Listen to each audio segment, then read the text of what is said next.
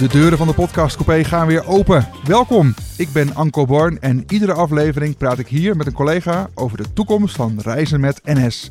Deze keer schuift aan Maarten Bakker. Maarten, welkom. Dankjewel. Met hem praat ik over de nieuwste trein van NS, de Intercity Nieuwe Generatie. Kakelvers uit de fabriek duurt het even voordat reizigers kunnen instappen. Ik vraag hem waarom en wat er in de tussentijd gebeurt. Dit is de Podcast Coupé. Ja, de deur valt dicht. De deur van de ICNG, de plek waar de machinisten de cabine instappen. Dit is hem. Ja, dit is uh, de ICNG. Ja, en nou sta je natuurlijk vaker hier met uh, collega's naast deze nieuwe trein. En, en wat vertel je dan? Wat zijn dan dingen die opvallen? Wat ik collega's, maar ook andere mensen die bij de trein moeten zijn voor de testen die we doen, veel vertel is over de deuren. De deuren waar reizigers straks instappen, die wijken af van de deuren die we nu bij onze treinen kennen. Laten we er even heen lopen. Het is uh, buiten de werkplaats in Watergraafsmeer. En, oh, ik zie het. De deur ziet er werkelijk anders uit. Ik zou zeggen een stuk groter. Heb ik het dan goed? Ja, dit is de grootste deur die er op de markt uh, te koop is. Hoe groot is die? Oh jeetje, nou 1,20 meter breed ongeveer, hè, zien we hier. Uh, en dat is eigenlijk in de treinenwereld de grootste deur die je kan kopen. Ja, want even voor de uh, luisteraars. Het is dus één deur. Het zijn niet twee deuren die naast elkaar openklappen. Het is echt één stuk. Ja, bij de meeste treinen van NS zie je dat twee deuren uh, allebei naar een kant draaien. Alleen deze trein is drukdicht. En dat betekent eigenlijk dat net als bij een vliegtuig... je maar één deur moet hebben die helemaal vastgezogen wordt in het frame... om te zorgen dat er dus uh, geen lucht tussendoor kan... op het moment dat we in een tunnel rijden, andere treinen passeren. Uh, en dat luchtdicht zijn, dat is echt heel uniek voor, voor de ICNG. Dat klinkt ook als met, met, met die hoge snelheid te maken heeft die dit kan maken. Ja, ja. Uh, door de hoge snelheid zie je dat dit eigenlijk de techniek is die bij hoge snelheidstreinen zoals Thalys en de ICE ook gebruikt wordt. Uh, met name in tunnels. Ja. Als je met die hoge snelheid door een tunnel rijdt, dan geeft dat drukgolven. Um, laten we nog even verder kijken. Wat zien we nog meer? Want ik zou zeggen, de kop is ook echt wel typisch. Het is een bijzondere neus. Het, is een het zit een beetje tussen een hoge snelheidstrein en een gewone trein in. En dat is natuurlijk ook met 200 km per uur precies wat hij is. Hij heeft best een spitse neus, zou ik zeggen. Ja, guitig hoor ik ook wel. En uh, uh, mooie koplampen. Ja. Ik vind dat, uh, dat zie je natuurlijk bij auto's zie je daar ook ontwikkelingen in met LED-koplampen. verwarmde lampen ook om goed zicht te hebben. Ja, en de trein is kenmerkend geel-blauw. En aan de voorkant is dat weer net anders. Kun je dat uitleggen? Ja, ja de, de voorkant heeft een, een zwarte band eigenlijk. Hè. Dus hij, wordt ook, hij heeft allerlei koosnaampjes gekregen inmiddels. Maar Zorro of Wasbeer, dat zijn natuurlijk typische namen. Wat is jouw favoriet? Ik hou van de wasbeer. De wasbeer. favoriet, ja. ja. want dat is ook vanwege die zwarte band dus over de, de, het cabineraam heen. Zeg je ja, dat goed? Over, over, de ogen eigenlijk, uh, daar lijkt het op. En uh, dat is omdat het hele raampartij eigenlijk al zwart is. Uh, en we wilden die snelheid bedrukken van de trein, benadrukken. Hebben ervoor gekozen om dus zwart te beginnen. En op de plek eigenlijk waar de reizigers straks zitten, om daarover te gaan op het bekende blauw. Tijd om eens even naar binnen te gaan volgens mij.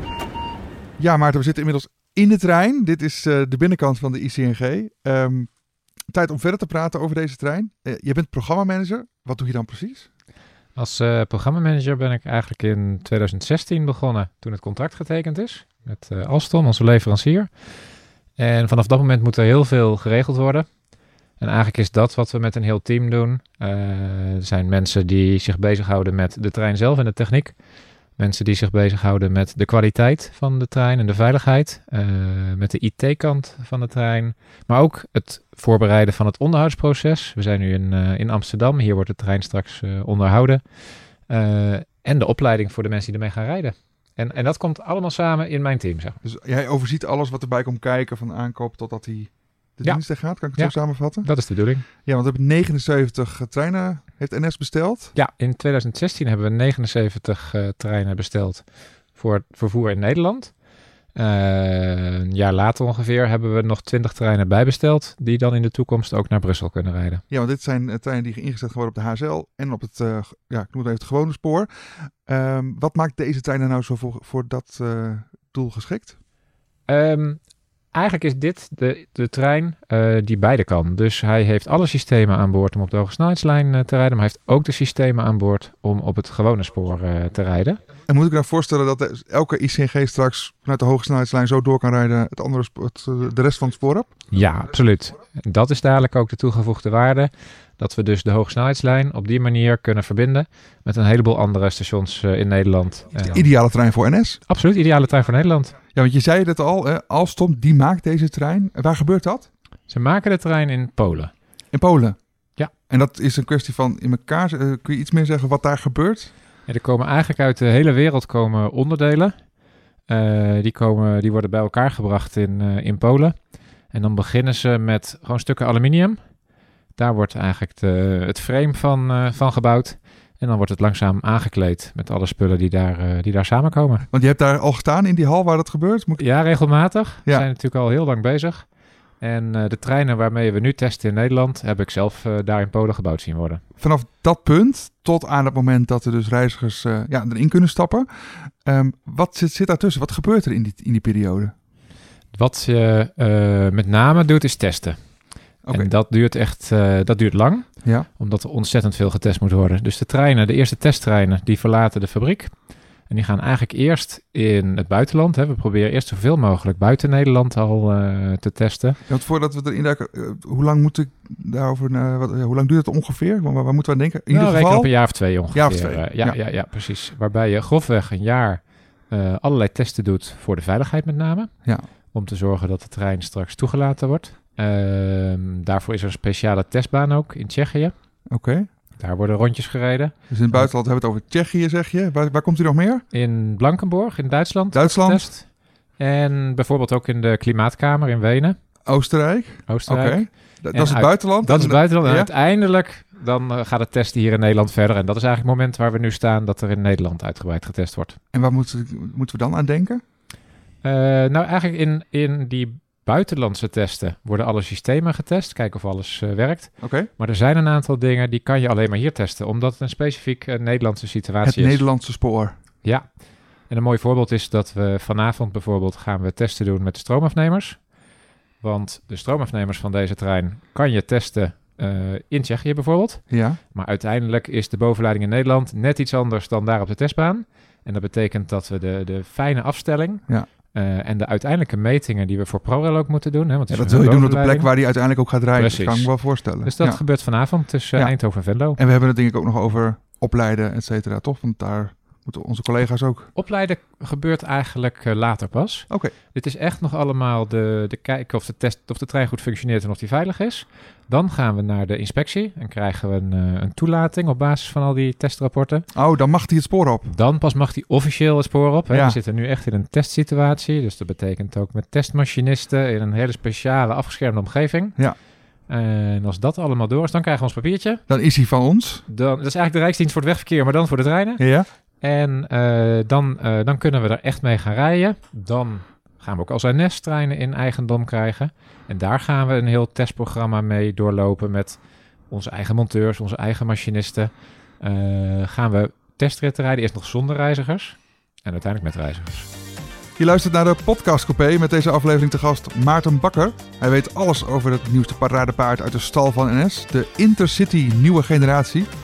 Op hoge snelheid maakt hij ons wegwijs in de wereld van testen en toelaten en opleiden.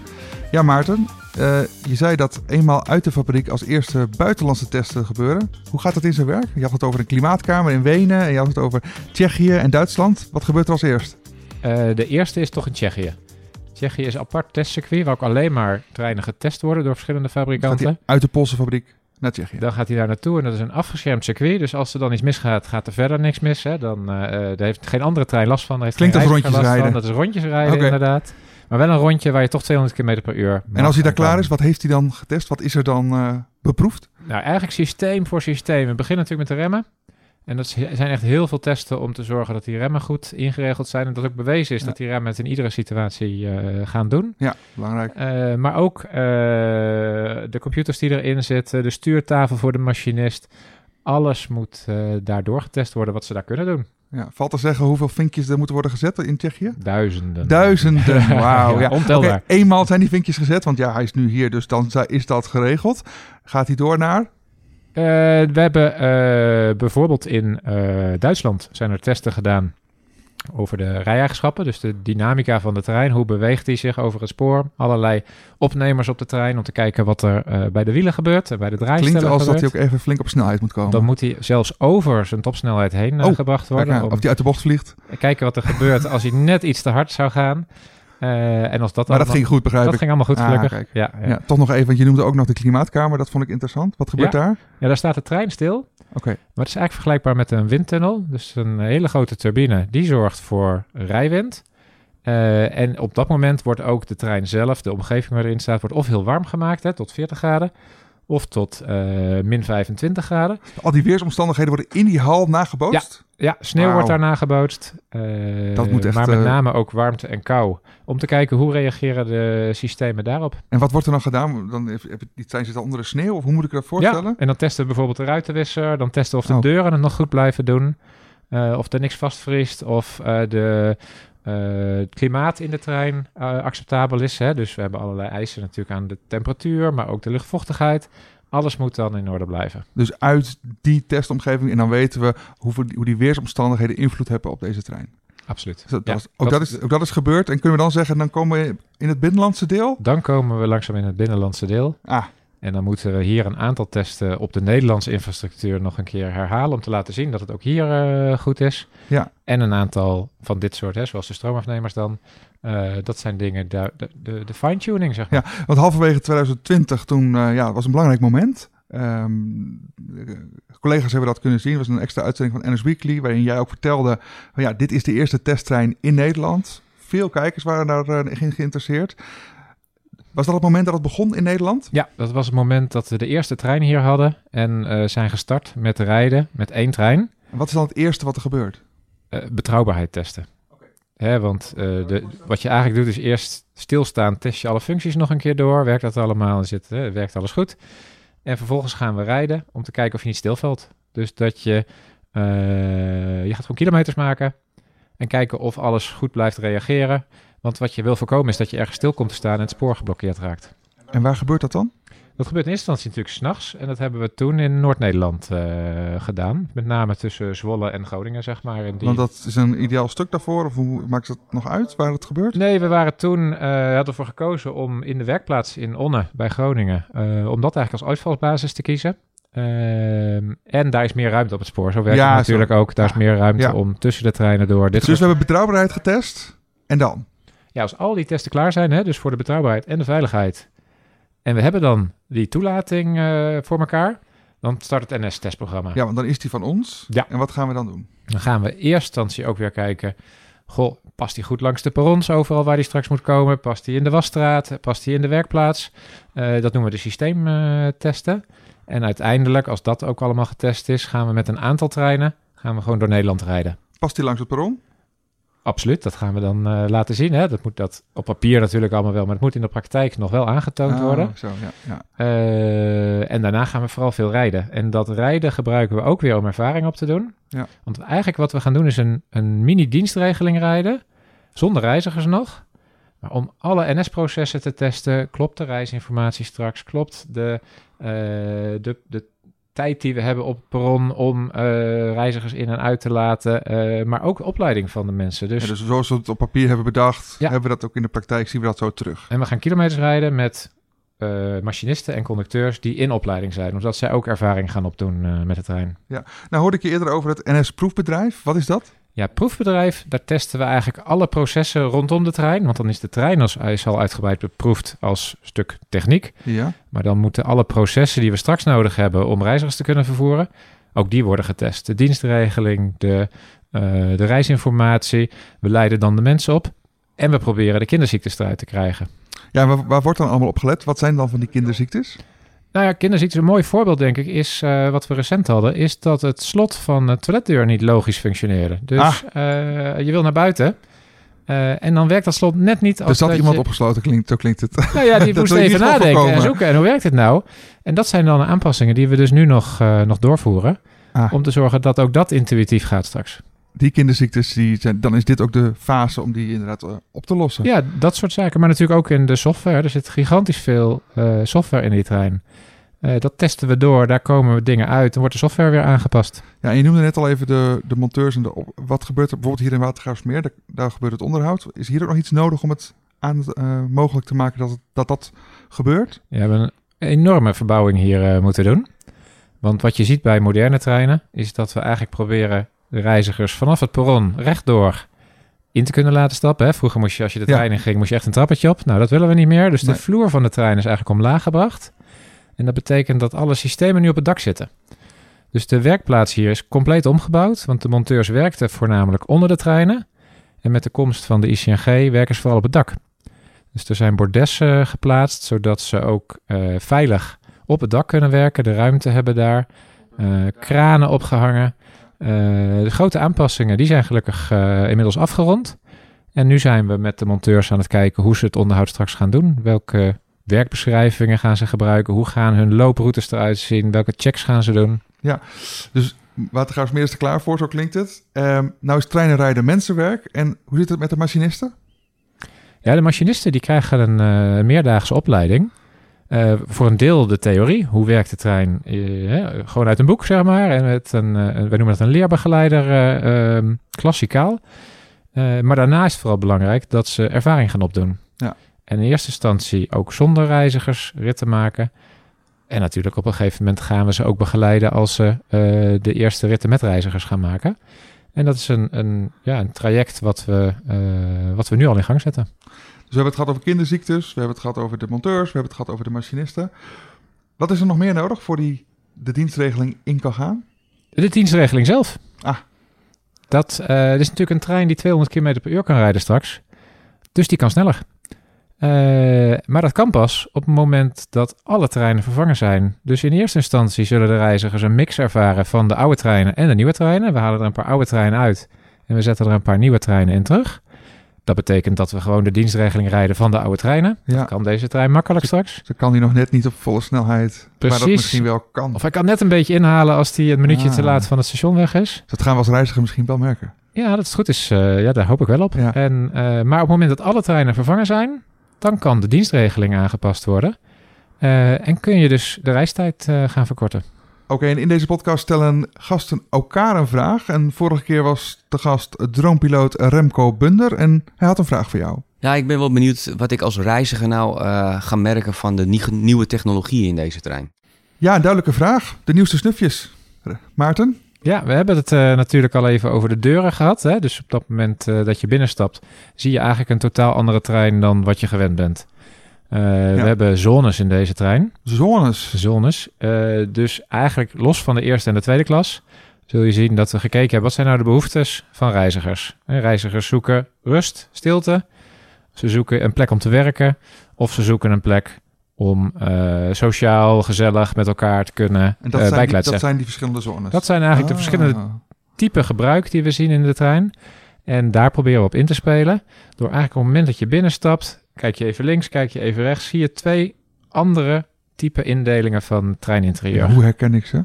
Nou ja, wat je bijvoorbeeld ziet is dat in de plek die we gecreëerd hebben om makkelijk te kunnen werken, Ja. grotere tafels. Oh, Dus je hebt inderdaad eh, grote tafels. maar herken je... ik dan de stilte, stilte, stille werkplekken aan de grote tafels? Of zijn er nog meer elementen? Nee, juist, juist in de stiltezone hebben we zoveel mogelijk, wij noemen dat dan tweetjes gecreëerd. Hè? Dus plekjes waar je eigenlijk achter elkaar zit. Oh ja, ja. En dat je op die manier ook veel meer rust hebt. Terwijl je in de, op de plekken waar we eh, ruimte bieden om elkaar te ontmoeten, Ja. veel meer de viertjes. Hè? Dus dat je met z'n vieren bij elkaar kan zitten. En daar bieden we dus, als dat om een werkomgeving gaat, juist weer eh, meer mogelijkheden om ook je spullen kwijt te kunnen. Je En is dat nog zichtbaar als ik in die trein loop, behalve dan in die eh, stoelopstellingen? Nou, bij de stiltezone is dat zichtbaar aan de, de symbolen die iedereen inmiddels denk ik Ja? kent. Hè? Het fluistersymbool. Eh, maar we hebben dat bewust niet zichtbaar, niet heel erg zichtbaar gemaakt. Het gaat een beetje intuïtief. Dus de kleuren zijn wel anders. Hè? De, de kleuren spelen in op eh, eh, wat wij denken dat past bij, bij wat die reizigers zoeken. En de kleuren van... Van de verlichting, Oh, van van, de wanden. eh, ja, dus dat en dan denk ik aan warme kleuren of hel, wat voor kleuren zijn, zijn dat? bijvoorbeeld. Ja, we hebben, er zit ledverlichting in de trein. En daar kunnen we iedere kleur aan geven die we willen. Eh, maar bijvoorbeeld een amberkleur of een blauwere kleur, die kom je tegen eh, specifiek in die zones. Oh, wat goed. Dus als het wat meer eh, in, in de plekken waar je wat uitgenodigd wordt om te praten, daar is het misschien wat een gezelliger Ja, precies. kleurtje licht dan de stille werkplekachtige setting. Ja, en zo vind je eigenlijk intuïtief een plek die past waar, waar, jij, waar jij op dat moment behoefte aan hebt. Ah, dat klinkt wel als de nieuwste snufjes. Heel goed. En dan gaan we ook naar de volgende gast in deze podcast coupé. En dat is uh, Leslie Keizer. Hij weet alles van de NS-app. Uh, hij is volgende editie te gast. Heb je ook een vraag voor hem? Ik ben wel benieuwd. Um, iedereen kent de app natuurlijk voor de reisplanner. En dat is ook waar ik hem zelf het meest uh, voor gebruik. Maar wat voor snufje zit er nou aan te komen wat eigenlijk niemand verwacht? Oh, de onverwachte nieuwe snufjes. moet ik echt even gaan opzoeken straks? Wat kan die app? Heel goed. Nou, we gaan het, we gaan het uh, horen van uh, Leslie. Hij is volgende keer te gast. Maarten, dank voor jouw bijdrage. Dank voor dat je hier te gast wilde zijn. Graag gedaan. Leuk om je de ICNG te laten zien. Ja, superleuk. Bedankt voor het luisteren. En um, wil je reageren op deze uitzending? Dat kan. Laat een review achter in jouw podcast app. Dat vinden we leuk. Kunnen andere collega's hem makkelijker vinden. Wil je reageren? Dat kan ook. Laat een reactie achter op Jammer door de hashtag podcastcoupé te gebruiken. Of mail naar redactie.ns.nl. En dank ook voor alle reacties. Veel collega's weten de podcast Coupé inmiddels te vinden. Je kan ook abonneren. Dan komt de volgende uitzending automatisch naar je toe. En dan zeg ik tot de volgende keer in de podcast Coupé.